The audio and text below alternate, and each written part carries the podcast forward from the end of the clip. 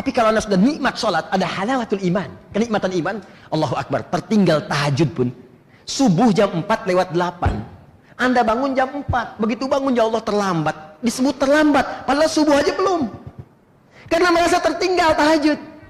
Kehilangan duha nggak enak. Kalau sudah begitu halawatul iman. Kalau anda sudah sampai ke puncak itu, maka ketika anda menyebut Allah, minta sesuatu, seketika akan dikabulkan.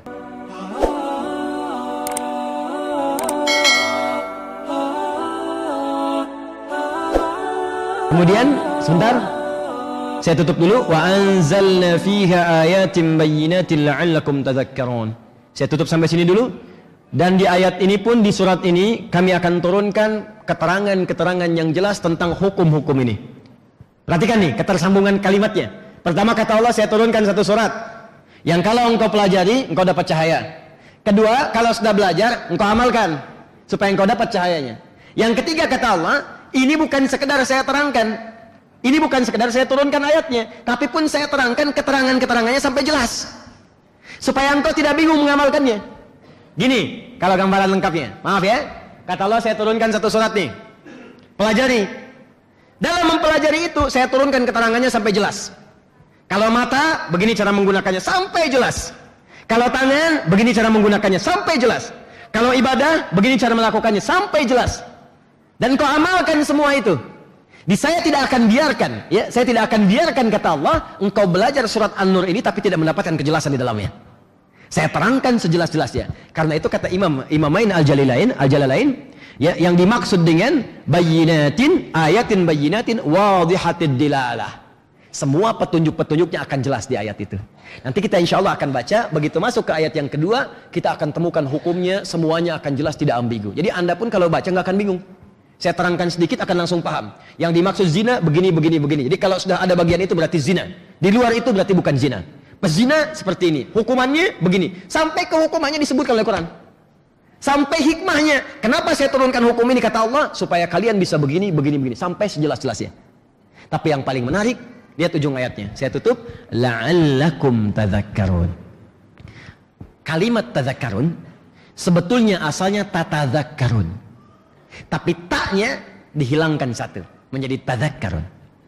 Yang kedua, mudah bagi Allah untuk mengatakan kalimat seperti ini. Wa anzalna ayat wa anzalna fiha ayatin bayyinatin tatadhakkarun. Tapi dibuka kalimat tadzakarun dengan menggunakan la'allakum. Ada rahasia apa di balik la'allakum? Bahkan saking pentingnya la'allakum ini itu diperintahkan oleh Allah untuk mengakhiri ayat puasa.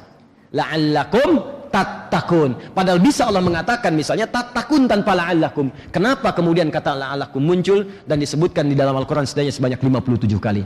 Insya Allah kalimat la'allakum tadzakarun kita akan bahas di pertemuan berikutnya. Dengan izin Allah subhanahu wa ta'ala.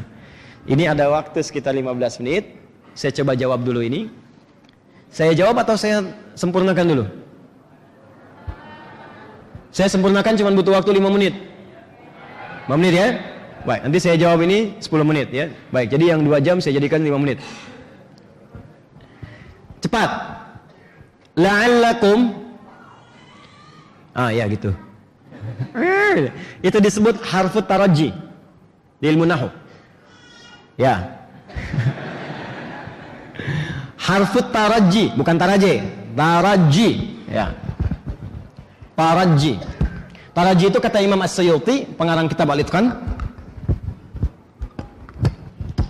Taraji. Taraji itu huruf yang menunjukkan harapan tapi mustahil bisa diwujudkan kecuali Anda serius menjalankan perintah dan hukum-hukumnya. Saya ulang. Huruf yang menunjukkan harapan yang tidak akan mungkin dicapai kecuali Anda serius menunaikan ketentuan dan hukum-hukumnya. Misal, apa tujuan puasa? Tujuannya supaya takwa. Al-Baqarah ayat 183. Ya ayyuhalladzina amanu kutiba alaikumus siyam kama kutiba alal ladzina min qablikum la'allakum tattaqun. Orang puasa diharapkan takwa. Tapi sebelum masuk kalimat takwa dibuka dengan la'allakum kata Allah. Kenapa ada kata la'allakum memberi kesan kepada kita tidak semua orang puasa akan takwa. Kecuali yang puasa itu serius menjalani hukum puasanya. Aturan yang berlaku saat puasa. Kata Allah saat puasa, tingkatkan ibadah, tingkatkan. Kalau Anda tingkatkan, Anda akan takwa. Nggak ditingkatkan, nggak akan takwa. Makanya banyak hadis-hadis palsu ber berkeliaran supaya kita nggak maksimal ibadah. Tidur orang puasa adalah ibadah. Pernah pernah dengar hadis itu? Ah, itu hadis palsu. Jadi habis sahur tidur lagi, ya. Habis subuh tidur lagi. Bahkan ada yang baru sahur dan nanya, buka jam berapa? Baru sahur. Yang seperti itu sulit bertakwa. Kenapa? Karena aturan gak diikuti. Kata Allah jaga, jaga, tahan perbuatan maksiat. Puasa menahan maksiat. Makanya orang sejahat apa pun, kalau sedang puasa bisa liburan pak. Ya, koruptor tuh libur dulu korupsinya. Kalau sedang puasa. Pencuri libur dulu. Bahkan pemarah pun itu bisa nggak marah saat puasa. Anda bayangkan kadang-kadang ada orang marah, nggak ada sebab, nggak ada hujan, itu bisa marah. Tapi saat puasa, tenang aja jam 6 kurang seperempat, jam 6 buka, jam 6 kurang seperempat, diprovokasi orang. Kamu begini, begini, begini, padahal dia pemarah. Nggak marah, biasa aja begini. Temannya bingung, kuenteng nggak marah. Ntar habis maghrib. Habis maghrib tuh. Ya, maghrib lupa. Nah, jadi nggak semua orang puasa itu bisa takwa kalau saat puasanya tidak serius dia jalani. Sama persis dengan yang ini. Kata Allah saya turunkan satu surah ini supaya engkau dapat cahaya dan supaya engkau bisa dekat dengan Allah. La'allakum tadzakkarun. Asal kata kalimatnya dari kata zikir. Zikir itu kalau bahasa Indonesia-nya ingat. Zikrullah, ingat Allah. Tapi kalau dalam kosakata Al-Quran tidak pernah disebutkan zikir kecuali semua amalan yang mendekatkan diri kita dengan Allah. Jadi ingat intinya kalau semua orang sudah zikir artinya dekat dengan Allah. Dekat dengan Allah. Makanya sholat disebut dengan zikir. Quran surah ke-20 ayat ke-14. Innani anallahu, saya Allah, kata Allah pada Nabi Musa. La ilaha illa ana, nggak ada Tuhan selain saya. Fa'budni, sembah saya. Bagaimana menyembahmu ya Allah? Wa aqimis sholat li zikri. Tunaikan sholat supaya engkau dekat denganku. Makanya ketika kita sedang sholat, kita merasa dekat dengan Allah. Quran disebut zikir.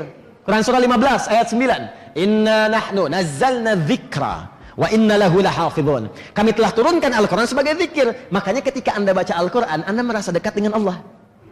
Doa, zikir. Quran surah 7 ayat 205. Wadhkur rabbaka fi nafsika. Ya, tadarruan wa khifatan wa dunal jahri minal qaul. Kata Allah kalau sedang punya masalah, sebut aku. Berdoa. Minta padaku dengan khusyuk dalam jiwamu. Berdoa disebut zikir. Makanya kalau orang sedang berdoa merasa dekat dengan Allah. Yang disebut Allah, ya Allah, ya Allah, ya Allah. Tuh, istighfar, zikir. Kalimat thayyibah, zikir. Quran surah 4 ayat 103. Fa idza qadaytumus salata fadhkurullah. Kalau habis selesai salat berzikir. Apa puncak zikir? Membangun kedekatan dengan Allah. Kalau sudah dekat dengan Allah, sekali menyebut Allah, langsung diperhatikan dirinya. Kalau anda sudah dekat, makanya sholat itu latihan supaya dekat. Kalau sudah dekat, rajin sholat, rajin tahajud, sampai anda dapatkan kenikmatan sholat. Ciri orang yang nikmat sholatnya, dia ketinggalan sholat sunnah pun hadisnya, eh, hatinya gelisah. Kalau belum nikmat, maaf ketinggalan fardu pun biasa. Ini udah komat nih, tenang aja, asalnya masih dua jam lagi. Masih biasa. Tapi kalau anda sudah nikmat sholat, ada halawatul iman. Kenikmatan iman, Allahu Akbar. Tertinggal tahajud pun. Subuh jam 4 lewat 8. Anda bangun jam 4. Begitu bangun, ya Allah terlambat.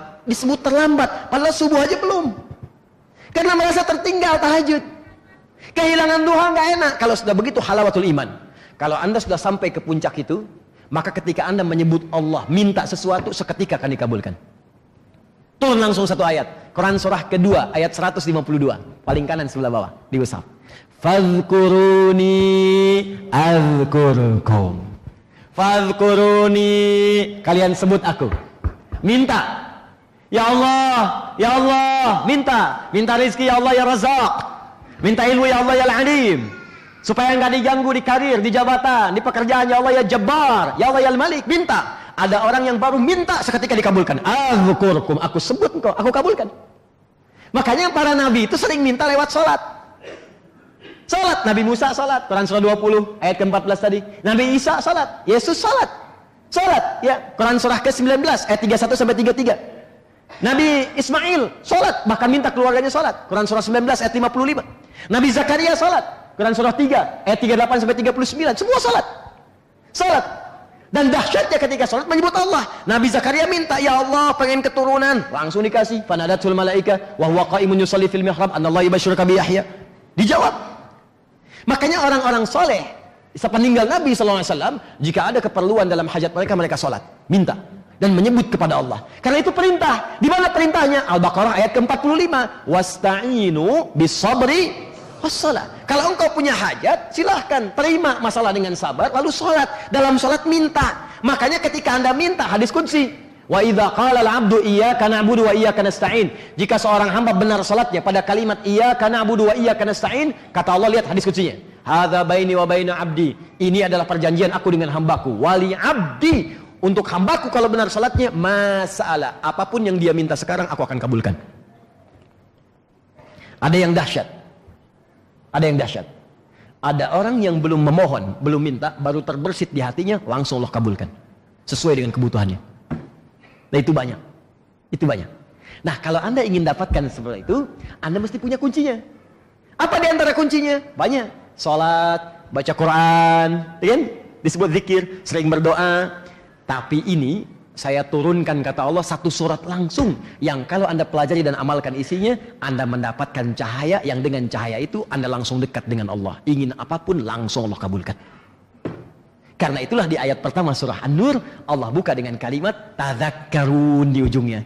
Saya turunkan surat ini bagi saya kata Allah nggak penting apa yang kalian kerjakan, tapi ini penting buat kalian supaya kalian dekat dengan saya.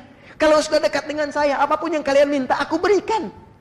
Bahkan kalau kalian belum memohon dengan suara kalian, terbersit di benak kalian, aku akan kabulkan kata Allah sepanjang itu kalian butuhkan. Di Allah menurunkan surat An-Nur ini untuk kita, Pak, Bu. Ibu pengen apa? Kata Allah saya kasih. Jangan-jangan selama ini bukan aku nggak kabulkan, kalian masih jauh dariku. Masih ada maksiat nih kayak gini nih. Nih. Ya. Kalau gelas gak ada tutupnya begini, dimasukin apa aja gampang. Tapi kalau sudah ada tutupnya, tisu begini terhambat. Seperti ini, gak akan masuk. Kata Nabi kalau orang sudah maksiat di hadis Muslim, maka di hatinya ada naktas sauda, noda hitam, nutup nih kecawan hatinya. Semakin tertutup jadi hijab begini. Makanya ada orang yang diingatkan susah dengan azan marah-marah. Lihat orang pakai pakaian muslim malah marah. Ya, lihat orang baca Quran jadi sewot. Susah diingatkan. Innalladzina kafaru sawaun alaihim anzartahum am lam tunzirum la. Kenapa? Karena di hatinya ada hijab, di telinga ada hijab, di matanya ada hijab. Khatamallahu ala qulubihim wa ala wa ala absarihim ghishawah. Masalahnya apa? Karena rajin maksiat. Buka lagi sampai anak-anaknya. Ayat ke-25-nya. Wa fi adhanihim waqra. Kenapa di telinganya ada sumbatan? Makan yang haram. Makannya haram. Bukan cuma makanan-makanan dalam jenis yang fisik, babi haram bukan cuma itu. Maaf. Makan harta haram, korupsi haram, mencuri haram, menipu haram, nyogok haram, riba haram. Karena masuk ke dalam dirinya, makanya mendekat ke hukum Allah susah. Kalau banyak yang haram, mendekat ke hukum Allah susah, mau sholat susah, baca Quran susah, berhijab susah, ya, mau sholat susah. Nanti kata Allah ini saya turunkan nih, belajar dari sini. Kalau sudah kalian amalkan semuanya, saya jamin kata Allah, kalian saya berikan cahaya dan kalian akan dekat dengan saya. Kalau dekat dengan Allah, apa pun yang diminta segera akan dikabulkan oleh Allah Subhanahu wa taala. Ya, tapi itu ayat tidak hanya cukup dengan amin. Karena akhirnya ditutup dengan kalimat la'allakum. Karena ada kata la'allakum artinya tidak semua orang yang belajar surat An-Nur ini akan dekat dengan Allah kecuali orang yang sungguh-sungguh belajarnya. Karena itu, ayat pertama ini menjadi landasan yang paling pokok. Saya ingatkan dari sekarang, mulai pertemuan berikutnya tolong serius belajarnya. Dan niatkan betul untuk mendekat kepada Allah. Jangan diniatkan karena ustadznya. Jangan diniatkan karena tempatnya. Jangan diniatkan karena orang datang, saya pun batang. Tidak, niatkan karena Allah. Karena sejak anda meniatkan itu, kemudian hisab mulai berlaku. Innamal a'malu bin niat. Jadi begitu amal diniatkan, hisab Allah langsung berlaku. Hisab itu perhitungan Allah. Langsung diberikan tuh pahalanya dan langsung diberikan jaminannya. Jadi begitu Anda tahu, oh, tanggal sekian pembahasan An-Nur. Niatkan, saya akan datang karena Allah untuk merubah diri saya supaya lebih baik di hadapan Allah. Begitu Anda niatkan dicatatkan. Di jalan sebelum berangkat meninggal. Saat dicatatkan itu pahala sudah dapat walaupun Anda belum hadir di masjid. Paham? Nah, karena itulah kemudian taknya dihilangkan satu, harusnya tatadzakkarun, tapi dihilangkan salah satunya untuk dipercepat. Tadzakkarun ingin menyebutkan pesan bahwa kalau kalian sudah hafal dan mengamalkan semua isi ini, kalian akan cepat mendapatkan anugerah dari Allah Subhanahu wa taala sehingga tidak akan ada lagi sekat-sekat yang menghambat kalian mendapatkan rahmat Allah.